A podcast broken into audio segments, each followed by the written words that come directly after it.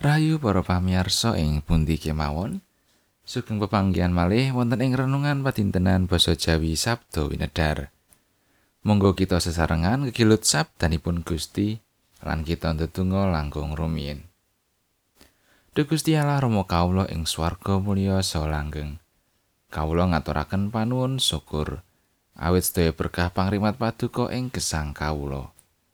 Ing wekdal mirunggan menika kawula sumadyo badhe nampi sabda pangandika paduka. Mugi kawula kasagetaken mangertosi saha nindakaken menapa ingkang dados kersa paduka. Matur nuwun Gusti. Tasih kathah dosa kalepatan ingkang sumela ing gesang kawula. Mugi Gusti kersa paring pangaksami. Wonten ing asmanipun Gusti kawula Gusti Yesus Kristus kawula ndedonga lan saos syukur. Wawasan dinten menika nglajengaken wawasan kala wingi. Kapendet saking setunggal para raja bab setunggal ayat ikang dosa wolu ngantos kawan dosa wolu. Nuli padha budalan yaiku Imam Zadok Nabi Nathan lan Senopati Benaya bin Yoyada kalawan kaderekake dening bolo kreti lan pleti Sang pangeran katitihake ing bihal titihane Sang Prabu Daud lan kairingake menyang ing Gihon. Imam Zadok wis ngasta sungu isi lenga saka ing tarup. Sang Pangeran Sulaiman banjur jinebatan. Sawise mangkono kala sangka nuli kaunekake sarta rakyat padha alok-alok. Sugeng Sang Prabu Sulaiman. Sang Prabu Sulaiman tumuli kairingake dening rakyat kabeh. Kambi padha ngunekake suling kelawan padha suka pari suka rame. Suarane nganti kaya mbelah-mbelahno bumi. Ana dene bab iku keprungu dening Sang Pangeran Adonia lan sake para uleman kang padha nderek nalika lagi wae rampung anggone padha daharan. Bareng Senopati Yoab mireng unining kala sangka, banjur ngunantika. Ana apa to dene kutha kok rame temen?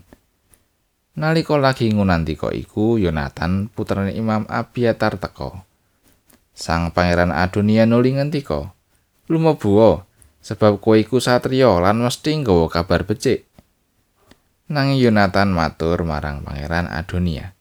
Mboten, Gusti kita Sang Prabu Daud sampun jumenengaken Pangeran Sulaiman dados ratu. Sang Prabu sampun dawuh supados Imam Zadok, Nabi Nathan, Sosenopati Benaya bin Yoyada, tuwin wadya bolo kreti lan pleti sami ngiringno Pangeran Sulaiman. Katitihna ing bihalipun Sang Prabu. Imam Zadok so Nabi Nathan sami jebati sang pangeran wonten ing Gihon kajumenengaken ratu. Saking rika lajeng sampun sami wangsul kalian bingah-bingah. Satemah kita lajeng rame sanget. Menika swara ingkang kapireng menika wau. Sang Prabu Sulaiman samenika lenggah ing dampar keprabon. Para punggawanipun Sang Prabu ugi sampun sami sowan ing ngersanipun Sang Prabu Daud sami ngaturaken sugeng kalian munjuk. Mugi Gusti Allahipun Gusti kawula kersa damel misuring asmanipun Sang Prabu Sulaiman nglangkungi asma dalem. So damparipun mugi nglangkungi agungipun dampar dalem. Salajengipun Sang Prabu inggih sampun sumungkem sujud wonten ing pasaranipun sarta ngandika mekaten. Pinuji asmane Sang Yewa Gusti Allah Israel. Kang ing dina iki wis paring wong kang lungguh ing damparku.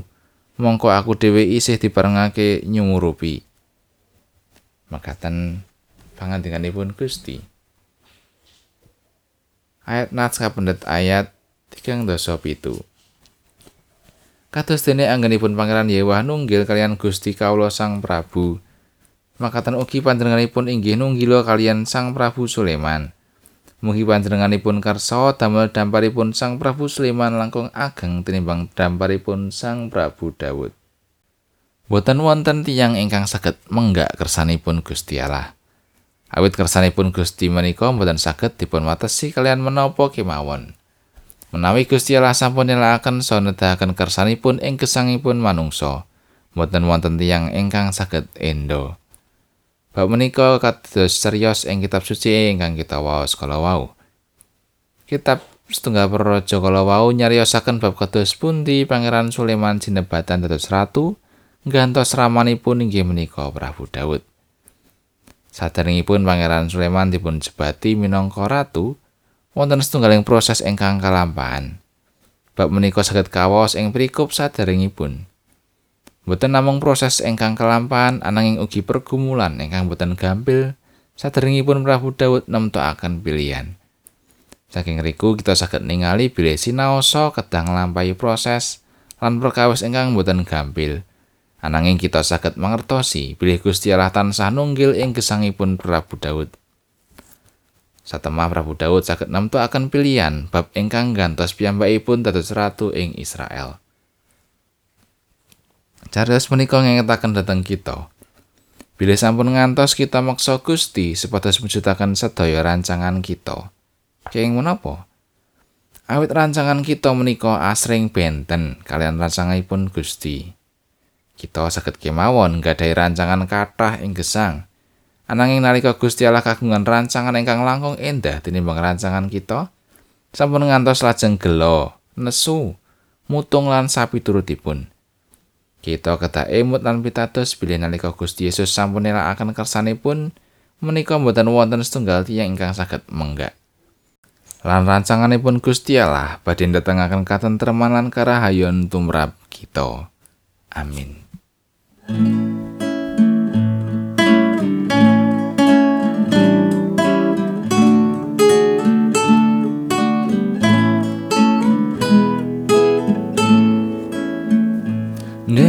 gunung wanengari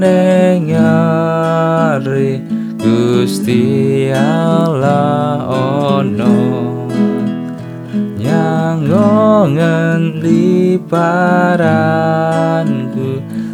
mesti ono uga andi kang dadi cipta lan osi ing ati.